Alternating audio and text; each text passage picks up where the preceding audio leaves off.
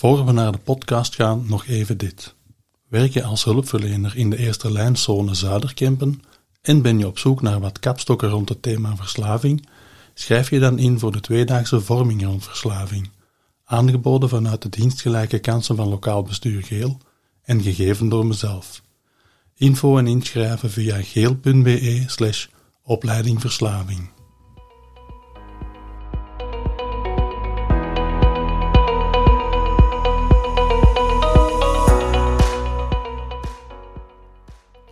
Welkom bij de podcast Verslaving in Verbinding van Tim Kools. Met deze podcastreeks tracht ik handen en voeten te geven aan het thema verslavingskwetsbaarheid.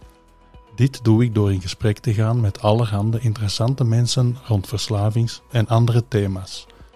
En dit met de bedoeling jou te inspireren bij het vinden van je eigen weg of bij het ondersteunen van iemand die zelf zoekende is.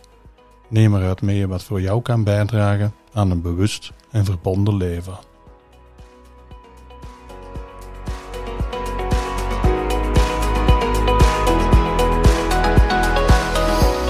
Goedemiddag, Kathleen en Tom. Goedemiddag. Goedemiddag. We zitten hier op een warme, zomerse namiddag. En we gaan spreken over tabak, nicotine. En we gaan daarover proberen een aantal niet belerende boodschappen te geven aan mensen. En vooral aan jongeren. En we vonden het heel verleidelijk om dat te doen met een tabacologe, Kathleen.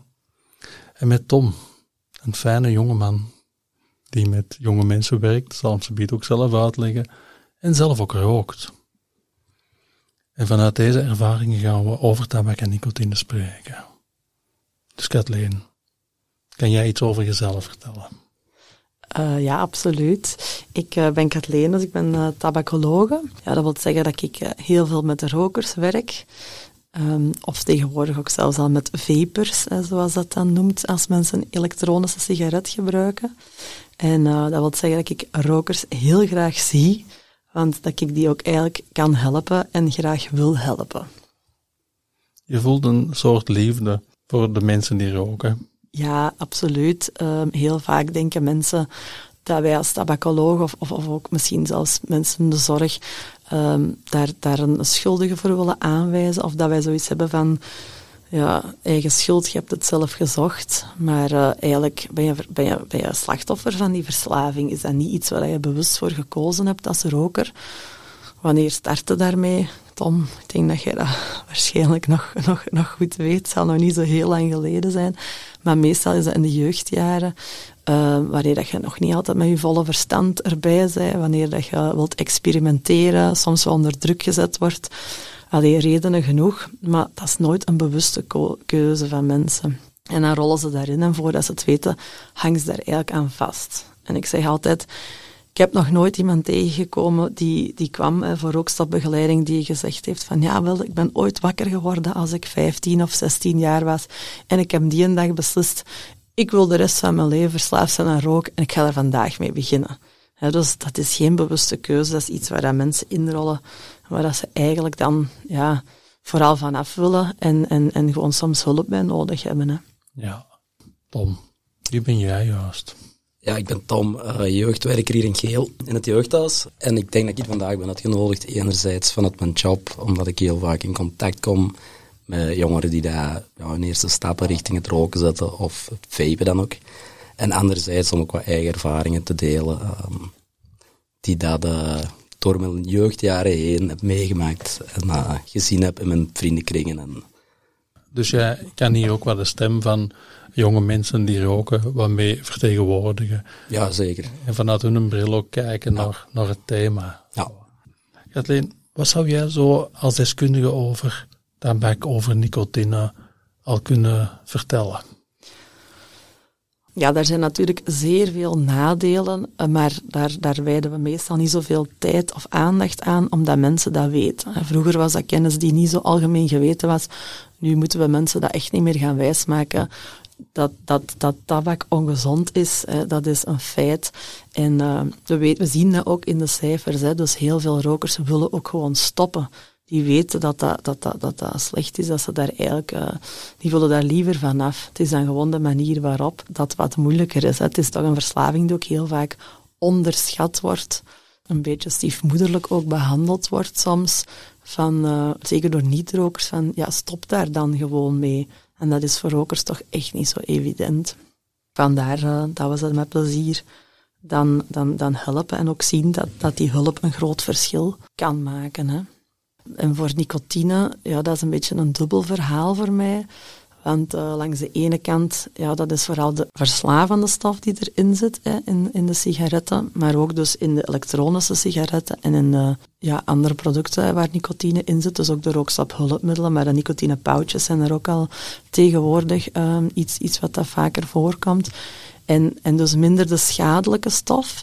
Wat maakt dat als mensen stoppen met roken, dat dat eigenlijk uh, wel oké is om dat nog een tijd te gebruiken.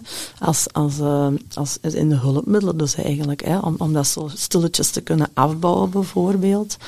Maar uh, langs de andere kant, bij jongeren, ja, zit daar natuurlijk ook een risico aan verbonden. Die nicotine heeft ook op, op, op uh, ja, als je jonger bent, nog wel een, een fellere impact op je, op je lichaam ook, uh, waar negatieve gevolgen aan, aan verbonden kunnen zijn. En het maakt vooral dat ze verslaafd geraken.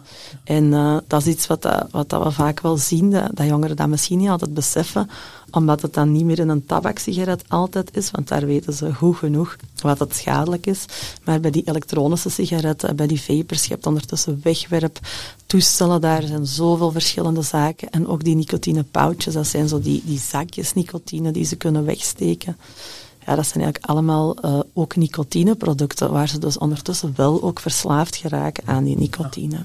En waar het vooral gericht is op, op nicotine zelf, maar waar de schadelijke stof teer, waar die in tabak zit, er dan niet bij is. Nee, en daar klopt. zit ook het dubbele van de boodschap, hè, Kathleen? Ja, absoluut. Zodat je een andere boodschap daarin geeft naar beginnende rokers of nicotinegebruikers dan mensen die al aan het roken zijn, om met hulpmiddelen dan die je afraadt voor beginnende rokers, dan te stoppen. Hè. Zo, daar zit de klem ook wat. Hè.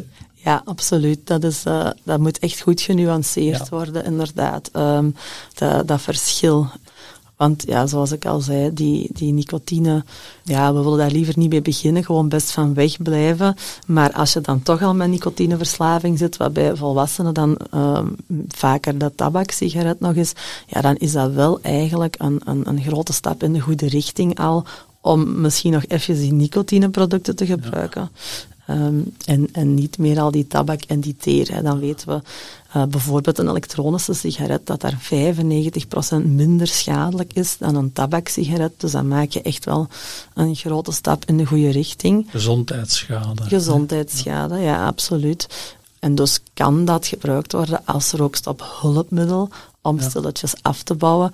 Maar om een, een, een aanzet naar willen we natuurlijk zeker niet dat dat is. En daar, daar schuilt wel absoluut een gevaar in. Ik kan die nuance even in cijfers zetten. Dan is het ineens in een beeld te vatten. Als iemand die rookt op 10 zit, naar schade. Mm -hmm. En iemand die niet rookt op 0.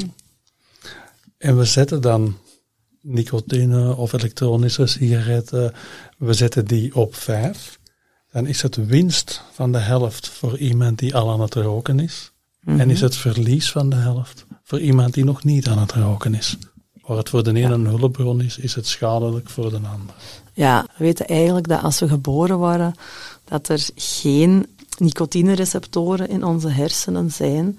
En de moment dat we met nicotine in contact komen, in eender welke vorm dan, dan beginnen die eigenlijk zich te ontwikkelen, die nicotinereceptoren. En dat maakt dat ons, onze hersenen dan verslaafd worden aan nicotine. Het nadeel is dat die receptoren nooit meer weggaan. Wij noemen dat ook soms wel eens vogeltjes. En die vogeltjes die blijven daar zitten voor de rest van je leven. En dan ben je dus ja, ook nicotinegevoelig voor de rest van je leven. En dat geldt voor andere verslavingen ook. Maar dat is iets waar jongeren niet altijd bij stilstaan. En, en ook volwassen mensen soms nog wel eens zich aan laten vangen. Denken dat eentje geen kwaad kan hè, als ze gestopt zijn. Ik weet niet, Tom, of dat je al pogingen ondernomen hebt, maar dan heb je die ervaring misschien ook al. Ja. eentje of één trekje is dan toch soms genoeg om er terug in te rollen. Ja, inderdaad. Meestal als je een poging onderneemt om te stoppen, dan gaat het vaak van een, een heel onschuldig moment dat je het toch probeert en de dag erop voelde dat dan in één keer dat eigenlijk precies al die weken dat je het niet gedaan hebt, dat die toch er niet gaan. Ehm, dat is wel ergens, voelt dat wel, wel vuil of zo, of dan beseft je wel met welke materie dat je bezig bent. Ehm, Dat je al even wat zuiverder eh, gevoel gehad hebt door die periode dat je niet gerookt hebt. En dan, ja, ja, inderdaad, inderdaad. ja. Wel, wij noemen dat eigenlijk dan de vogeltjes die terug beginnen te kwetteren. Maar receptoren zijn ontvangers in onze hersenen. En als die, als die ontvangers eenmaal er zijn, ja, dan gaan die blijven vragen naar dat wat ze kennen. En die ontvangers blijven er. Ik had alleen zo, Ja. zo zeg je het, hè? Ja, we zeggen eigenlijk, die vogeltjes eten nicotine. En zolang dat jij rookt, geef jij die eten. Op het moment dat je stopt, dan gaan die niet content zijn. Uit zich in de ontwenningssymptomen. Daar gebruiken we dan nog tijdelijk nicotine, hè, in het geval van rookstophulpmiddelen. En eens dat allemaal afgebouwd is, dan gaan die bekjes toe. En dus dan ga je daar ook geen last meer van hebben. Dan gaan die niet meer van hun tak maken. Dan gaan die daar nog wel zijn. Die gaan dus nooit nog naar, oh, die gaan niet naar het zuiden. Die vallen niet uit een boom of uit een nest. Die blijven daar zitten, maar die zijn content.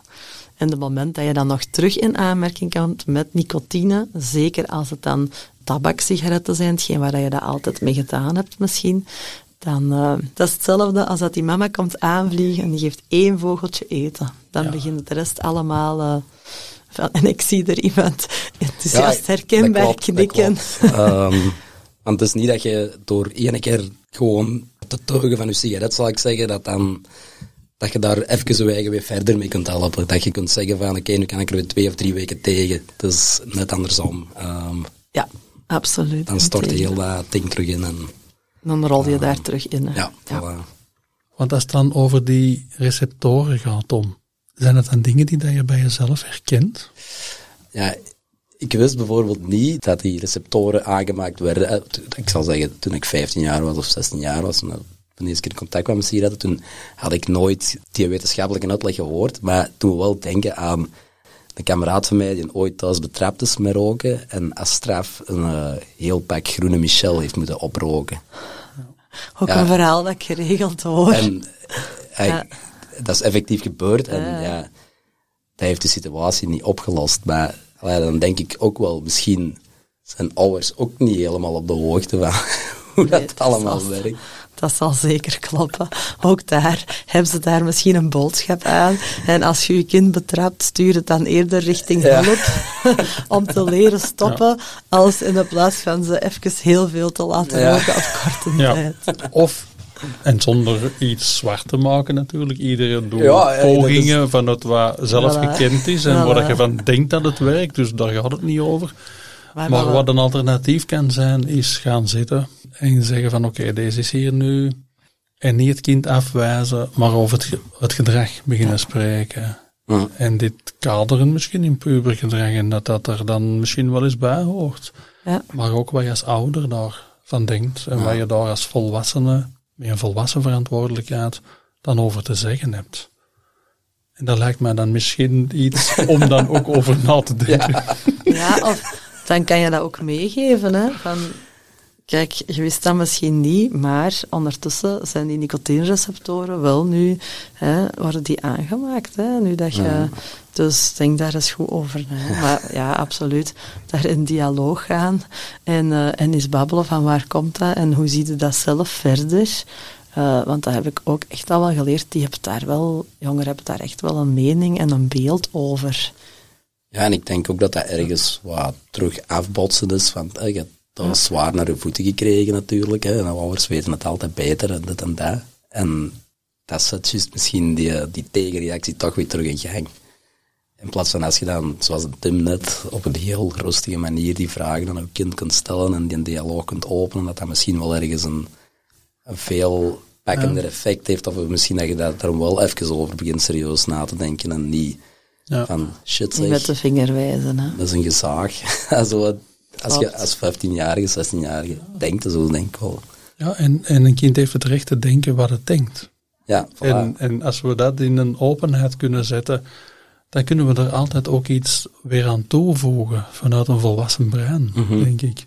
Ja. Maar als we het denken niet gaan toelaten wat het kind ervaart en iets gaan opleggen, ja, dan creëer je systemen onder de gordel, denk ik, waar een kind misschien stiekem gedrag gaat ontwikkelen, waar, dat, waar dat kansen op invloed veel minder worden. En, en ja, dat is iets, vind ik, om over te denken. Hoe doen we dat dan? En, en zo ook proberen het niet in, het moet nu een oplossing hebben zien, want dan zit er enorm veel druk op, dat moet nu opgelost zijn, je moet nu stoppen, dat moet nu. Ja. Maar je dat in een proces kunt zien en je kunt, als je in de auto zit, is vijf minuten, want in een auto vijf minuten is heel veilig, hè? ze moeten niet in je ogen kijken. Hè? Ja, dat is En dat je zoiets op het gemakje door iets kunt overzeggen, niet Klopt. belerend, rustig. Ja. En, En dat ook- kan uitstappen na vijf minuten. Je hebt een zaadje gelegd. Je hebt een zaadje gelegd. Hè? Absoluut. Ja, en eigenlijk is dat in zo'n eh, in zo'n begeleiding ook een beetje zo. Je gaat eigenlijk vertrekken van hun verhaal en hun standpunt van hoe zie jij dat? Wil je graag stoppen? En, en, en dan ga jij iets toevoegen van informatie. Dan kan je dat op die manier proberen. En ik denk dat als je dan als ouder met jongeren daarover gaat babbelen, hetgeen wat je ze eigenlijk wilt bijbrengen, ja, daar gaan ze veel minder weerstand op geven. Ze gaan veel makkelijker aannemen wat je op die moment te zeggen hebt, omdat je eerst even gewoon ja, op een veilige manier contact gemaakt hebt en, en de dialoog geopend hebt, dat ze ook wel durven zeggen wat dat hun standpunt is, maar ook meer geneigd gaan zijn van, van jouw verhaal dan te horen. En op die moment misschien niet direct daar akkoord mee gaan, maar wel daar gaan over nadenken hè, en dat meenemen. Hè. Want dan gaat het niet over een gelijk halen, maar over afstemming. En als we afgestemd kunnen spreken, dat is mee alles, dan komen we altijd wel tot iets dat voor alle partijen zinvol kan zijn. Ja. En daar gaat dialoog over. Maar Kathleen, zo, die ontvangers, die receptoren, worden die al ontwikkeld vanaf het moment dat we ene keer tabak gebruiken of nicotine gebruiken? Ja, dat gaat toch heel snel. Ja, absoluut. En als ik me niet vergis, dan denk ik ook hoeveelste meer nicotine, hoeveelste meer dat we daarmee aanmerken, hoeveelste meer dat er nog van die receptoren zich eigenlijk gaan ontwikkelen. Ja, dus dat is ook een beetje verschillend naar gelang gebruik dat dat is. En ehm, eigenlijk brengt men al tot een, tot een belangrijk punt ook misschien. We zien ehm, de laatste tijd een tendens dat dus de, de nicotine in de elektronische sigaretten, meer bepaald in de wegwerptoestellen, waar dus jongeren, um, ook soms oudere mensen wel, maar vooral jongeren, um, heel erg naartoe trekken om, om te experimenteren, omdat ze dat dus ook gewoon kunnen wegwerpen en eens even rap meepakken voor een avond. Uh, dat die nicotinegehaltes zeer hoog zijn daarin. Veel hoger als dat, dat zelfs maar in, in tabaksigaretten zou zijn. Ja. Wat maakt ja, dat er dus direct heel veel van die nicotinereceptoren zich ook zullen ontwikkelen als die jongeren daar um, zich aan blootstellen. En dat is een beetje jammer of, of pijnlijk zelfs misschien om te zien dat die wegwerpsigaretten eigenlijk ja, die nicotinegehaltes zijn heel hoog, dus voor, voor rookstophulpmiddel is dat niet altijd interessant. Maar vooral, die hebben heel veel catchy namen en, en felle kleurtjes. En die liggen ook zo meteen in de toonbanken. De moment dat je, dat je ergens binnenstapt waar ze ze verkopen. Ja, dat is niet voor de roker die dat ik in mijn, uh, in mijn praktijk zie om te helpen stoppen, dat dat daar zo ligt. Hè. Dat zijn niet de, dus dat is echt getarget op die jongeren. Of zo voelt het toch echt ja. aan dat dat echt het doelpubliek is en dat ze dus eigenlijk precies wel die jonge breintjes verslaafd willen maken aan nicotine. En hoe komt dat dan dat dat zo snel is kunnen opkomen? Want tien jaar geleden bestond dat praktisch niet. En toen kwamen we dat toch nooit tegen. Dat is die klem weer waar we echt in zitten. Dat is dus wel voor rookstap hulpmiddel echt iets interessants. Daarom hebben ze het ook wel toegelaten. En wij gebruiken dat ook als ja. hulpmiddel echt wel ook als tabacoloog. Maar ja, eens er dan geld mee te verdienen valt, dan zien ze daar waarschijnlijk ook wel andere mogelijkheden en, en andere ja, zaken om, om uit te buiten, mag ik dat zo noemen? Dat is misschien wel heel cru ja. gezegd, maar uiteindelijk targeten, targeten ze daar echt wel de, de ja, de, de, jongeren, de, de, nog niet verslaafden. Hè? Inderdaad, want je hebt pakjes sigaretten zijn momenteel allemaal kakkie groen geworden, dan mag geen, geen logo meer opstaan. Maar als je dat dan ziet in functie van al die vape-vloeistoffen en die vape zelf, uh, dat Ja. is dan één grote marketingstunt. Of, Voilà. Dat is een pijnlijke vaststelling die ze inderdaad doen nu. Ehm, de Stichting tegen Kanker is daar volop mee bezig en ook echt aan het lobbyen eh, naar de overheid toe om zeker voor die wegwerpsigaretten, bedoel, denk ook maar eventjes aan het milieu en zo, dat, is- dat staat ook haaks op, op, op wat dat we voor de rest proberen te doen in onze maatschappij. Ehm, toch net niet te veel wegwerpdingen nog. Ehm, dus om daar echt wel ja, dat te verbieden, gewoon zelfs zo snel mogelijk. En om daar direct paal en perk aan te stellen. Ja, ja. Maar ik denk dat het belangrijker is om de jongeren er gewoon bewust van te maken. En om ook al eens te kijken hoeveel zit daar eigenlijk in van nicotine. Want heel vaak staat dat daar zo klein op dat je het bijna niet kunt lezen. En, en ja, gezien ik daarmee bezig ben, ken ik wel iets van die gehaltes. En dan, dan zie je echt gewoon ja, veel te hoge dosissen daarin. Dat Ja, want dat is ook iets dat, dat denk ik bij mij, toen ik 16 was of 15 jaar was, in school kregen we heel veel anti, anti-rook. Ik zal het geen propaganda noemen, anti-rook. Preventie. Ehm, maar zo het, ten, ten uitleg dat jij net gaf van die receptoren dat er nog niet zijn, maar dat dan wel aangemaakt worden, dat hebben wij nooit, nooit te horen gekregen. Nee, en dat zijn En wel dat de zaken wel die een- u aan het denken zetten. Voilà, want dat, dat is een beetje het, het, eh, om het een heel extreem verhaal te zetten. Waarom zou je nooit bijvoorbeeld met heroïne beginnen? Dat is omdat je daar vanaf minuut één aan verslaafd bent. En als je dat dan bij sigaretten, die boodschap ook zo kunt overdragen, dat je dan... Want het is zeer verslavend, maar ja, het, het lijkt nog altijd wel ergens, een- dat er nog ergens een grijze zone voor hangt of zo, een, een probeerzone. En eigenlijk is er Ehm. die ook niet, hè, want eens je er mee in contact gekomen bent, ben je heel snel vertrokken. Hè. Voilà. Daarom ook, de, ja, ik praat met zoveel rokers, die zeggen ook allemaal, ik heb daar niet bewust voor gekozen, ik wou dat maar. En eigenlijk was één of twee sigaretjes, experimenteel gezien, genoeg om er dan toch, en dat Ja. is niet direct dan vanaf week één een pakje per dag, maar toch traag maar zeker meer en meer. En na enkele weken, enkele maanden zitten dan toch aan een bepaald gebruik. Hè. Had jij dat gevoel bij u ook, Tom? Dat, dat je vrij snel voelde van oké, ik, ik kan hier niet gemakkelijk terug? Ja, ehm, in het begin was dat vooral dat sociale aspect. Ehm, het was vooral tijdens het uitgaan of tijdens dat je zo de weken samen vrienden iets ging doen en dan gebeurde dat wel. Maar ik denk dat die eh, klik ehm, ergens de eerste keer kwam of zo, dat ik in de examenperiode zat, dat ik alleen thuis was en dat ik dan toch naar buiten ging om toch maar alleen een sigaret te gaan roken. En dat is zo die moment dat je ja, Beseft, in het begin hè. denk je daarna nog niet aan, maar als je daarna terugkijkt, dan weet je wel dat dat ergens een schakelpunt is geweest of zo. Ja, toen zat het er al, hè? want waarom ben je toen naar buiten Tuurlijk. gegaan? En toen was het nog niet uit gewoonte, Nee, voilà. want het had je nog niet die gewoonte, maar maar, dan was die het gewoonte echt... nog niet hebben op die Voilà. moment. Maar zo was het echt die fysieke drang die daar toch ergens... Ergens ja, en, en, en Ja. ook wel, je, je zit dan thuis achter een boek en het verveling. En Verveling, je- ja. Of stress. Of stress, ja, van die zaken, dat je er aan begint te denken en dat dat te overdenken, denk ik dan. Ehm, en dan pakt je die stap en dan, ja, dan heb je zo het gevoel even van, oké, ja, dat was, dat was oké. En dan, Ja, klopt. En nu heb je eigenlijk ook heel mooi, Tom, de drie onderdelen van die rookverslaving beschreven. Je hebt de fysieke verslaving aan de nicotine. Dat is één stukje. Daar gebruiken we dan ook de hulpmiddelen voor als mensen willen stoppen met roken. Ehm, maar je hebt ook de gewoonteverslaving. Dat zijn zo die routines waarin dat je, we noemen dat ook heel vaak de automatische piloot bijna. Dat je eigenlijk op automatisme, na het eten bijvoorbeeld, gaat roken. ehm, of, of op bepaalde plaats. In een auto is ook zo'n heel typisch, of de, de zetel of de keukenstoel, waaraan mensen eigenlijk, en dat is puur door de herhaling. Dus conditionering ehm, is het woord dat we daar eigenlijk voor gebruiken. Dus de moment dat je een aantal zaken heel vaak begint te herhalen, zien we dat daar een associatie ontstaat en dan ga je dus niet meer roken omdat je dat echt wilt, ook niet meer altijd omdat je dat echt nodig hebt voor de nicotine, maar puur uit gewoonte, uit, uit automatisme. En het derde stukje van die verslaving is eigenlijk de emotionele verslaving. En dat is de onderliggende reden waarom dat je gaat roken. Dus toen in de examens was dat een combinatie van dat fysieke en ook misschien wel wat verveling, zoals je omschrijft. Maar dat kan even goed zijn eenzaamheid, stress, frustratie, conflict, slecht nieuws. Zeker ook als beloning na je examen misschien toe. Hè?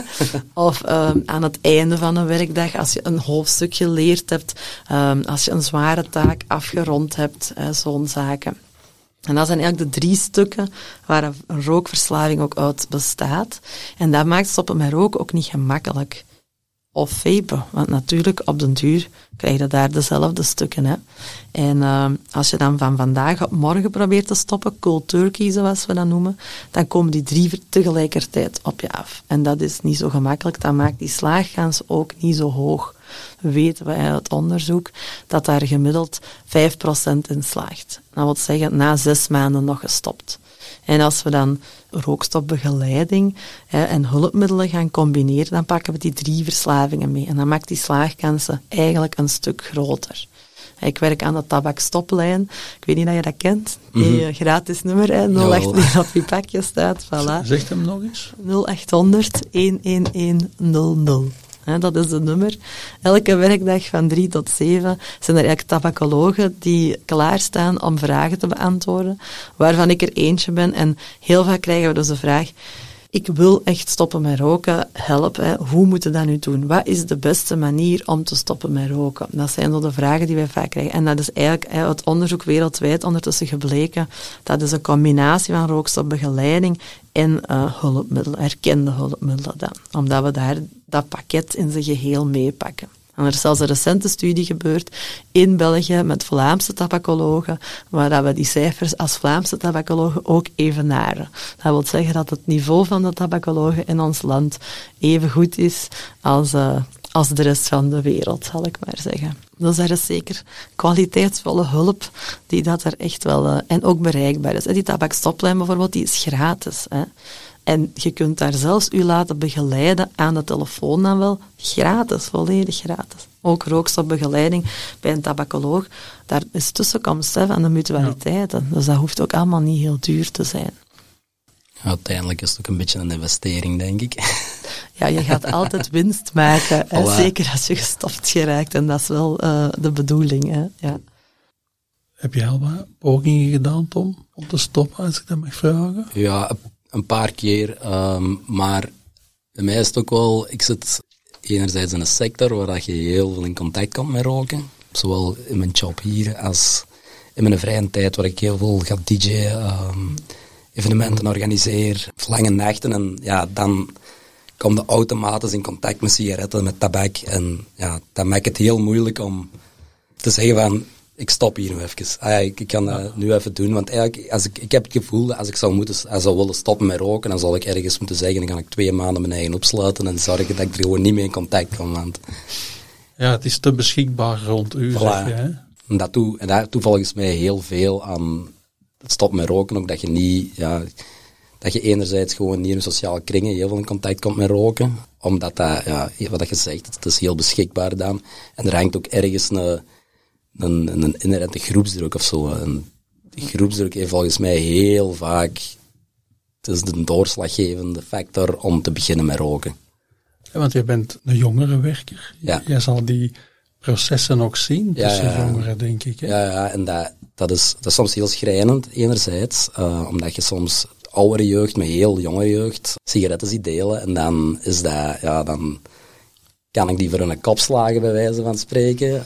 Maar langs de andere kant, ja, het, het sigaretten delen en het, en het, en het ja, buiten aan het jeugdhuis volk in staan aan het roken is. En dat je zegt van, hé, hey, maar jij twee weken geleden waren nog niet aan het roken en nu in één keer wel zo, dat maakt wel mee. En dat komt gewoon vanuit een groep dat dat doet en, en, en daar, dat, die wilden eigen daarin profileren, neem ik de indruk. Um, dat die mag ergens ik, erbij willen horen. Mag ik inpikken hoe dat, dat komt? Dat is voorbeeld gewoon geven, hè.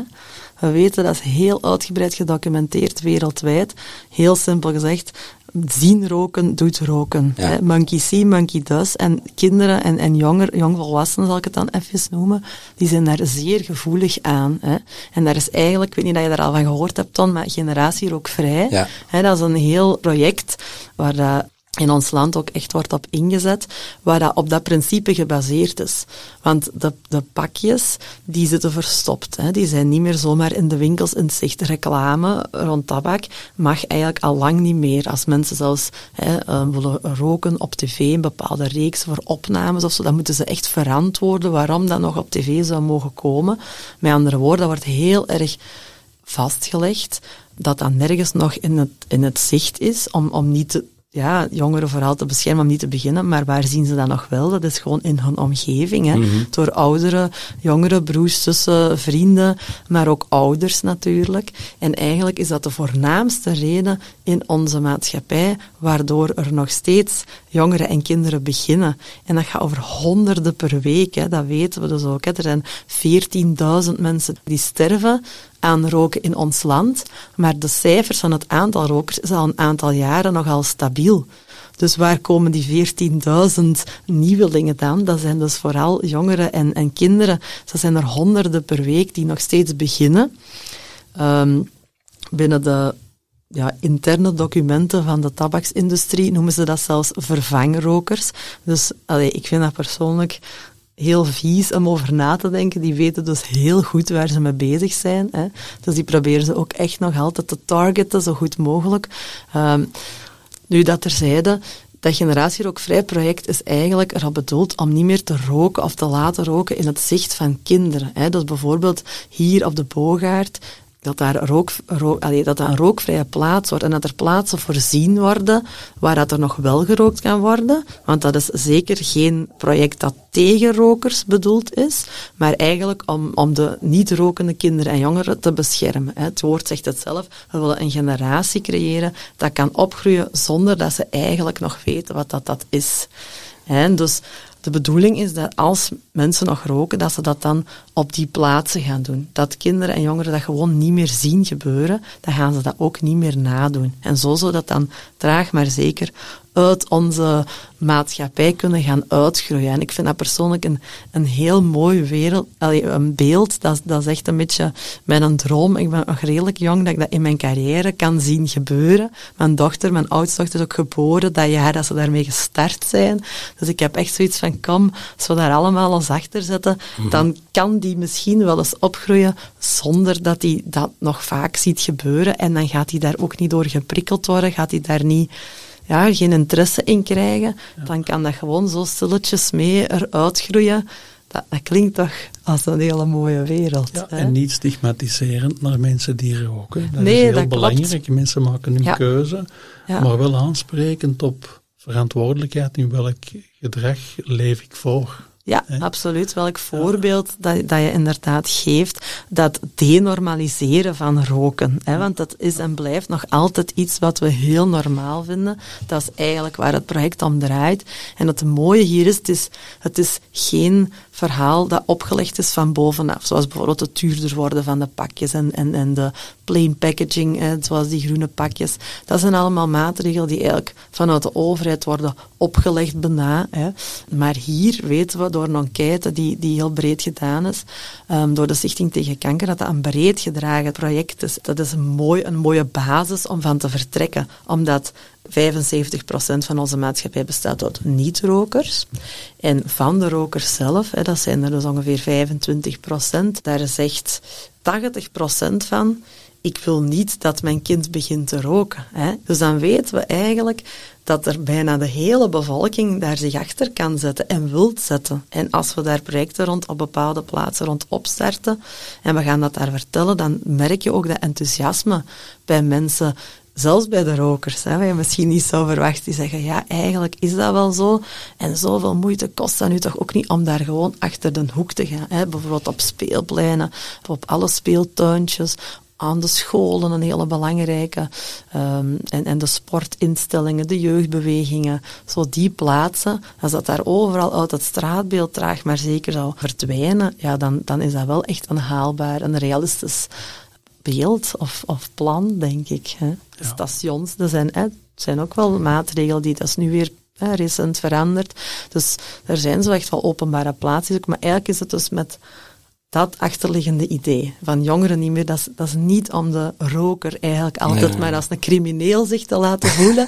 want dat vertellen ze mij heel vaak. Ja, ik voel me eigen zo asociaal. Ik word zo bekeken alsof dat ik hier een, ja, iets crimineels aan het doen ben. Maar daar is het niet voor, die maatregelen. zijn eigenlijk gewoon uit bescherming dat die jongeren en die kinderen dat niet meer zien. Nu, uw ervaring, Tom, denk je dat dat zou werken? Hè? Moesten ze hier nu, moesten degenen die roken, van die oudere jongeren, elke keer achter een plaats gaan roken waar dat het niet gezien wordt. Denk je niet dat dat dan zou, zou anders zijn al? Dat werkt, dat werkt sowieso, daar ben ik zeker van. Dat is zelfs als dat je niet meer aan de schoolpoort kan staan. Ik weet dat vroeger bij ons stonden ze aan de poort te roken en dat, dat was een, uit, een magneet om erbij te gaan staan. Maar langs de andere kant zie ik dat ook een beetje als jeugdwerker. Je wilt ze ook wat kort bijhouden. Je wilt zorgen dat je ze ook wat in toog kunt houden. En dat je ook ziet wie dat er achter dat hoekje staat. Want hetzelfde geld staat daar een heel deel bij die dat er... Allee, dat zijn ook nog altijd aantrekkingspolen. En wat gebeurt er achter dat hoekje? Dus dat is iets dat we zo... Ja, dat we, dat we voorzichtig soms moeten doen. Zeker op plekken waar we met kwetsbare jongeren werken. Ja, dat snap ehm, ik daar moeten we goed over nadenken, hoe dat we dat dan aanpakken. Hè? Want het is niet omdat niemand het, of, of niet iedereen het, dat jullie het niet kunt zien. Hè? Nee, Misschien moet dat hoekje net open zijn naar, naar jullie bureau. Naar toe. En, en, en bijvoorbeeld, wij werken met een doelgroep die daar, waar ja, kinderen bijna niet bij zitten. Um, dat is vanaf 14 jaar eigenlijk, dus dat is wel redelijk jong. Maar bij ons natuurlijk, dus komen evenzeer in het weekend heel veel plus 20-jarigen. Ehm, ja, hoe gaat het dan die tendens moeten afbaken en je zijn blijft een plek waar dat jeugd s'avonds uitgaat en waar ze ook niet te beregeld willen zijn of niet te gelimiteerd wat ze er doen.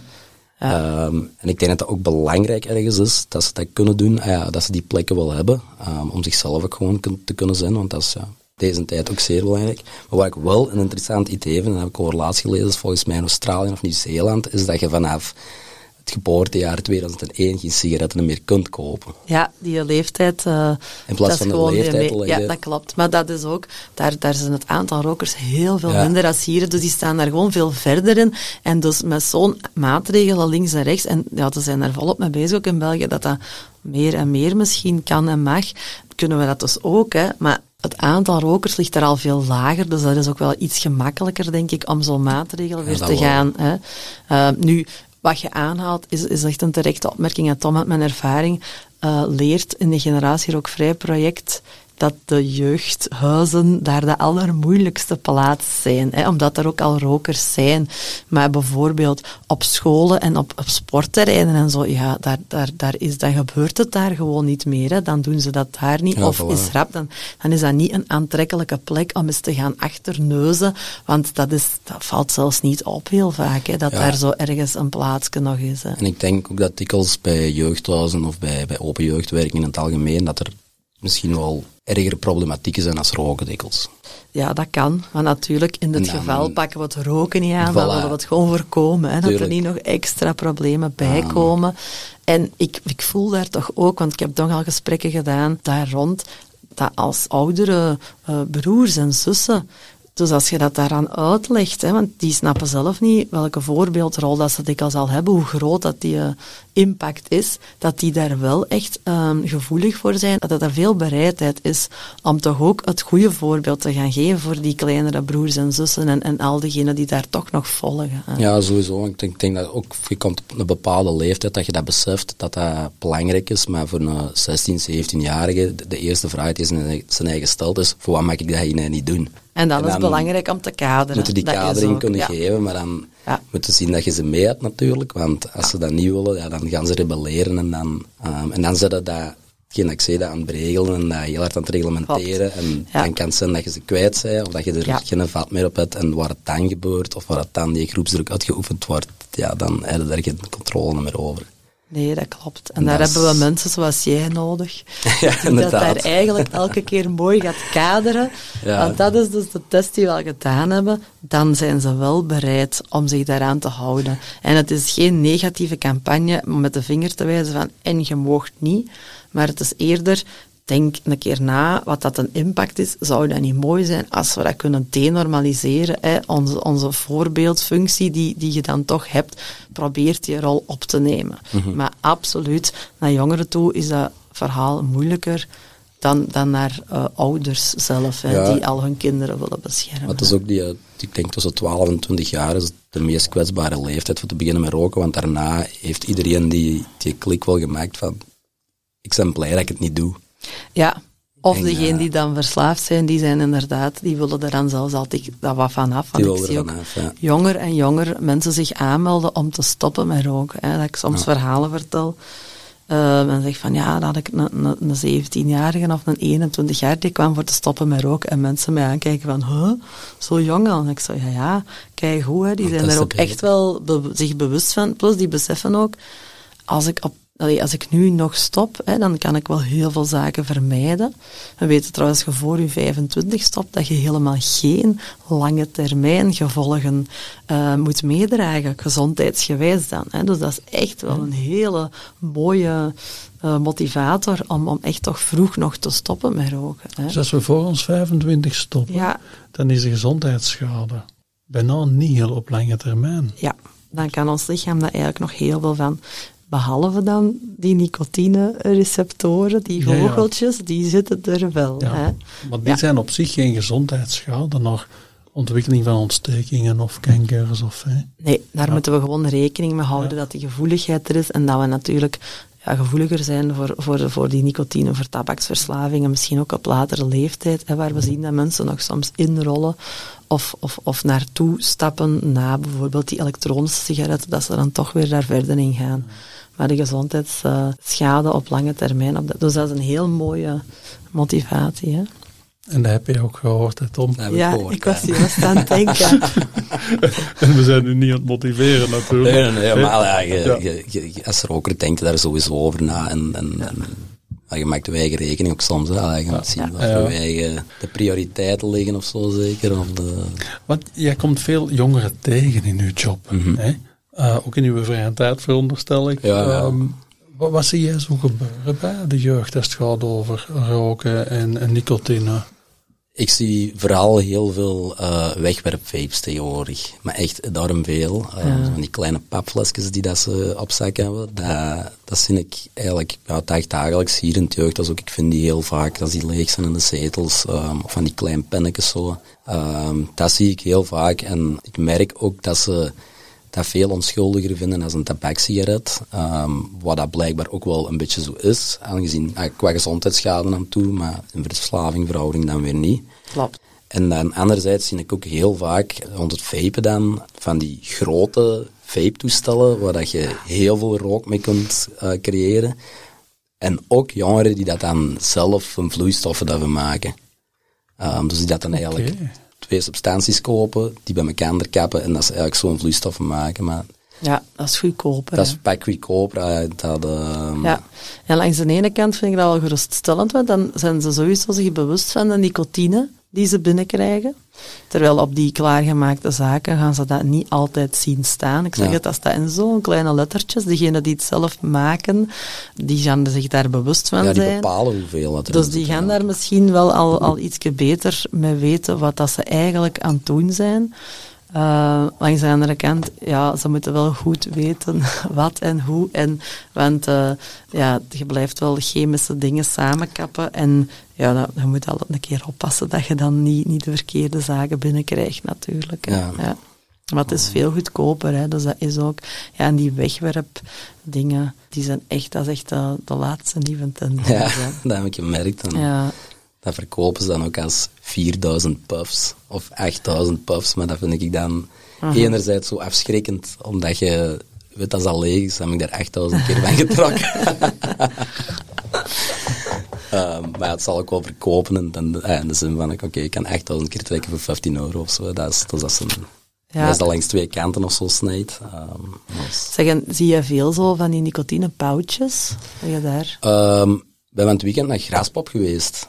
En elke keer dat ik naar, naar het toilet ging om te plassen, zag ik dat constant in het toilet liggen. En ik was de hele tijd aan het denken, wie smet die net een zakje thee in het wc? Maar toen viel me een frank dat dat van die, eh, ja, voor achter uw lip te steken is. Ja, dat was eigenlijk de, de eerste keer dat ik dat echt zag, dat dat veel gebruikt werd. Want ik zei het, dat lag in elk toilet, Ja, lag dat gewoon. Dus, Ja. ehm, Ja, dat zien we dus ook echt heel veel opkomen, of hoe moet ik dat zeggen? En vooral dan op de scholen. Dus zo een beetje als ja, ik kan niet vapen, hè, want dat mag eigenlijk niet op school. Dus om dan toch maar aan mijn nicotine te komen, steek ik dat dan tijdens de lessen maar achter mijn... Want dan moet je even uitleggen hoe dat juist gedaan wordt. Ja, ja die nicotinepauwtjes zijn eigenlijk zakjes hè, met nicotine in. Vroeger had je dan snoes dat was dan, dat had nog tabak bij. Dus ook hier weer gezondheidswinst voor een stukje. Omdat daar die teer niet meer in zit die je in je mond dan um, hebt zitten. Maar uh, je steekt dat weg tussen je tanden en je wang. En dan wordt eigenlijk aan de binnenkant van je wang die nicotine daaruit gehaald. En ook weer naar die vogeltjes gebracht. Maar dus evenzeer steek je zo'n zakje in je mond en heb je nog nooit contact gehad met nicotine, dan beginnen die vogeltjes zich ook weer al, beginnen die te creëren. Hè, en dan beginnen je hersenen daar dus nicotine gevoeliger en gevoeliger te worden. En dat zit een hele tijd in je mond. Dus als je dan denkt dat zo jongeren in het middelbaar bijvoorbeeld, eh, s'morgens goed wat vapen, dan zo'n zakje voor tijdens de les, tijdens de speeltijd. Het mag niet, maar ik weet, ze doen het toch op de toiletten, want die, die vragen krijgen we geregeld. Hè, van help, de toilet is hier een en al een dampkot geworden. en dan terug zo'n zakje voor de volgende. Dus die zitten constant onder die nicotine, hè. Dus die dosissen. Allee, niet om dus tabak-sigaretten aan te prijzen, want dat is natuurlijk echt niet de bedoeling. Maar vroeger was het dan beperkt tot om de twee, om de vier uur een sigaret. En, en nu zit of, of nicotine, ik zal het dan zo zeggen, hun dosis. En nu zitten die dan constant onder die nicotine. Dus die, die dosis, ja, die, die, die breinen zijn enorm verslaafd aan het worden hè, aan die nicotine. Waardoor die vogeltjes gevoeliger worden, hè? Meer, meer vogeltjes, ja. En, en die meer en meer willen ook, want die zijn bijna ja, gewend van constant eten te krijgen. Ja. Zie je dan dat jongeren die dat dan vapen, nicotinesecties gebruiken, dat die uiteindelijk ook wel doorschuiven naar sigaretten gewoon? Of Beide. We zien dat in twee richtingen. Want we zien bijvoorbeeld het elektronisch sigarettengebruik dat dat dus wint aan populariteit. Hè. Jongeren die in het middelbaar zitten, hè, met die leeftijd is dat er 5% dagelijks of regelmatig een elektronische sigaret gebruiken. Dus dat wint echt wel aan, aan populariteit. En um, twee derde die een elektronische sigaret roken, die rookten voordien ook tabak. Ja. dus we zien daar ook ergens wel dat er een tendens is van tabaksigaretten naar elektronisch, maar ook evenzeer wel een beetje een opstap. Ik durf optimistisch zijn en denken dat er meer zijn die eigenlijk van de tabaksigaretten naar de elektronische mhm. overschakelen. En dat dus de gezondheidswinst daar wel al is omdat ze vroeger allemaal zouden misschien blijven roken en nu een deel overstapt. We zien met die snoes en met die wegwerpdingen dat er wel echt nicotineverslavingen enorm aan, te, aan het ontstaan zijn. En uh, ja, eigenlijk denk ik dat het ook nog wat snel is om al te concluderen hoe dat, dat zich gaat uiten in tabaksverslaving. Want dat is nog, nog niet zo'n lang verhaal. Vandaar dat het heel interessant lijkt om dat verhaal zo snel mogelijk al gewoon te stoppen, nog voordat het eigenlijk meer en meer tabaksverslaafden nog gaat creëren. Hè. Ja, want is dat bijvoorbeeld iets dat, dat nu al gebeurt? Bijvoorbeeld tabakologen die op school bijvoorbeeld een dag in de week zitten om met jongeren te spreken daarover, om gewoon mensen die dat ze, ik zal niet zeggen, gewoon betrappen op vapen op het toilet, dat die eigenlijk gewoon verplicht een uur moeten gaan klappen met iemand of zo. Een beetje de, de Portugese uh, drugsaanpak of zo. Zou dat bij jou gewerkt hebben? Goh, hangt er vanaf wie dat, dat was. Maar ik denk wel dat als dat in een, een vroeg genoeg stadium of zo, en ik een grote tik van een hamer kreeg of zo, dat dat misschien wel een effect zou kunnen gehad hebben. Want ik, ik denk dan ook gewoon aan het feit van, als je iemand dat in Portugal betrapt wordt op, op drugsgebruik of op drugsbezit, die moet niet naar de politie gaan, maar die moet naar een praatgroep gaan. En daar zie je de goede resultaten wel van. Dus ergens zal ik ook denken dat je dat dan eventueel ook in een praatgroep op school, dat ze het met elkaar moeten uitvechten of zo. Hè. Ja. En op justitieniveau is dat bij illegaal gebruik ook, wel wat van toepassing. Hè? Dat, dat een rechter eh, snel een behandeling probeert voor te stellen of gesprekken in de hoop dat dat dan pakt. Vroeger hadden ze ook het systeem, en dat bestaat hier en daar misschien nog wel wat, zo de, de, de vroege interventie, zo therapeutisch advies, zo dat, dat uh, iemand met cannabis heel snel ergens naartoe kon gaan om te spreken en dat dat dan mee opgenomen werd in hoe de rechtsafhandeling dan, dan ging. Ja, ik denk gewoon dat in dialoog daarover, dat dat te weinig gebeurt bij jongeren, of zodat die Ja. daar ook te weinig met elkaar over spreken en dat die dan... Ja, maar nu denk ik dat je het juiste woord gebruikt, dialoog daarover. Hè. Ik denk dat er inderdaad gewoon met, met jongeren gesproken en dat ze gewoon weten, we kunnen ergens terecht met onze vragen en informatie, zoals ik een aantal dingen vandaag al als informatie gegeven heb, dat ze dat gewoon oppikken en over nadenken. Ik denk niet dat die daarom direct rookstopbegeleiding Nee. of, of elektronische roken moeten daar hulp bij hebben om af te bouwen, maar gewoon dat ze goed geïnformeerd zijn, dat als ze er zelfs voor kiezen om dat te blijven verder doen, dat ze wel weten wat de gevolgen zijn. En van tabak-sigaretten is dat over het algemeen goed geweten, maar van, van eh, elektronische sigaretten en die, en die nicotinepauwtjes en dergelijke, die wegwerpsigaretten bijvoorbeeld, of wegwerp elektronische toestellen, ja, daar staan ze zo nog niet altijd bij stil. En daar, daar denk ik dat er nog wel heel veel informatie is die heel waardevol kan zijn om inderdaad de juiste beslissing te laten nemen of, of om gewoon goed geïnformeerd daar, daar verder mee te kunnen omgaan. hè. Ja, ja. Ja, absoluut. En Dat daar, is echt de finale boodschap, Ja. Kathleen. En dat is bij nou in elke podcast proberen we het over dialoog te hebben. Ja. Hoe ga je in gesprek met mensen die ja, in dit verhaal zitten? Zeker nu jonge mensen. Ja, inderdaad. Ik denk dat ze gewoon, als ze weten dat er een plaats is waar ze hun vragen kunnen stellen, als ze informatie, toegankelijke informatie op maat uitgelegd krijgen, dat dat eigenlijk al heel vaak genoeg is. Om- Omdat dus die verslaving ook in tijd nog niet zo heel lang aanwezig is. En eens dat die dan gewoon beseffen van, oké, maar dit wil ik eigenlijk niet, dat dat dan ook genoeg is om dat al te veranderen. Hè. Daar, daar durf ik ook echt op hopen.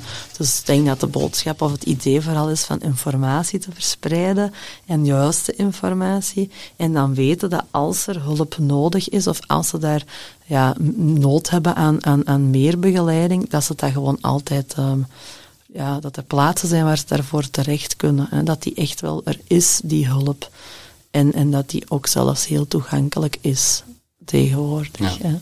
En dat alle mensen die te maken hebben met jongeren die informatie zouden kunnen op een beleefde, respectvolle manier delen. Zonder daarin te moeten beleren, Ja. maar jongeren aanspreken op eigen denkvermogen. Ja. En daar dingen aan toevoegen. Ja, daar geloof ik ook Ja. echt heel hard. En ik heb ook al een aantal jongeren begeleid, eh, in het ziekenhuis bijvoorbeeld. En ja, dat gaat, e- eigenlijk is dat weinig verschil van, van oudere mensen begeleiden. In de zin van, die zijn ook echt wel dan gemotiveerd en die beseffen ook echt wel, ja, hé, ik wil dit niet. Help mij gewoon even mijn weg te vinden in, in mogelijke hulpmiddelen. Ja, een beetje laten inzien inderdaad hoe dat zit met die gewoontes die ze zichzelf hebben aangeleerd. Dat dat ook een emotioneel stuk heeft, hè, zo die zaken. En dan natuurlijk wat, wat handige tips en tricks voor op de moeilijke momenten, maar dat dat eigenlijk meer dan genoeg is. Zelfs wat minder begeleiding meestal nodig hebben als, als, als oudere rokers die al een, eh, een lange rookcarrière hebben, hè, zoals ik dat noem dan. Ja. Die krijgen misschien ook soms een impuls van, oké, nu begint het te tikken en nu moet ik misschien wel zorgen dat ik die, dat ik die knop even omdraai of zo. Terwijl dat bij jongeren nog, nog minder Ja, de minder voor de hand motivatie, liggend is de of zo. motivatie ligt helemaal anders. Ja. Jongeren die kiezen dan echt voor, ik wil stoppen, ik wil niet helemaal even verslaafd zijn. Ehm, ik, ik, allee, ik weet niet eigenlijk wanneer dat, dat juist gebeurd is, maar ik, ik ben eigenlijk geen roker of ik wil niet als roker Ja. gezien worden. Ik wil geen roker zijn. Dus dat is een heel sterke motivatie. En inderdaad, mensen op leeftijd is dat wel veel meer om gezondheidsredenen. De zin, hè, het is niet vijf voor, maar vijf na twaalf. Die hoor ik dan bijna elke dag. De dokter heeft gezegd Ja. dat. Hè, en dat zijn ook natuurlijk motivaties. Maar ja, bij die jongeren ligt dat, ligt dat niet in de gezondheidsgevolgen. Hè. Die zijn daar totaal niet mee bezig, wat er misschien binnen 60 jaar zou kunnen gebeuren. Of eigenlijk ook al soms binnen vijf jaar, maar dan nog. Dat is te ver van hun bed. Maar die, die zijn wel bezig. En met het financiële bijvoorbeeld. Hè. En ja, sommigen zelfs met het milieu. Allee, ik zeg maar wat, die, die hebben zo heel andere motivatie daar rond. Hè. En ja, eigenlijk maakt het niet uit welke motivatie of waar het van komt. Als ze maar op die moment ehm, genoeg gemotiveerd zijn, dan kunnen ze ook echt hun gedrag veranderen. Hè. Wij zeggen eigenlijk altijd, in elke roker zit een stopper. We moeten hem gewoon soms even helpen te vinden of mee uithalen of, of wat sterkere stem geven. Ja. Tom en Kathleen, We hebben hier al een mooie inhoud neergezet. Jullie vooral. Dank u wel. Is het in orde voor jullie dat we hiermee afsluiten? Perfect. 100 procent. Dank u wel.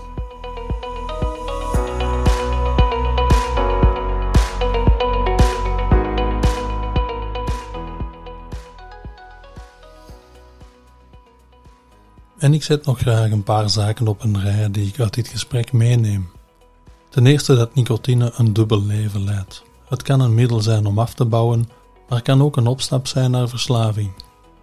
Verder onthoud ik ook de vogeltjes, de drie onderdelen van een rookverslaving, dat zien roken doet roken, dat in elke roker een stopper zit en dat dialoog in je eigen netwerk of met professionelen hierbij kan helpen. En als jij na het luisteren van deze podcast zelf ideeën hebt die kunnen bijdragen aan deze reeks, dan kan je me mailen op verslavinginverbinding.telenet.be. En zo gaan we samen naar betere zorg voor mensen die worstelen met deze kwetsbaarheid.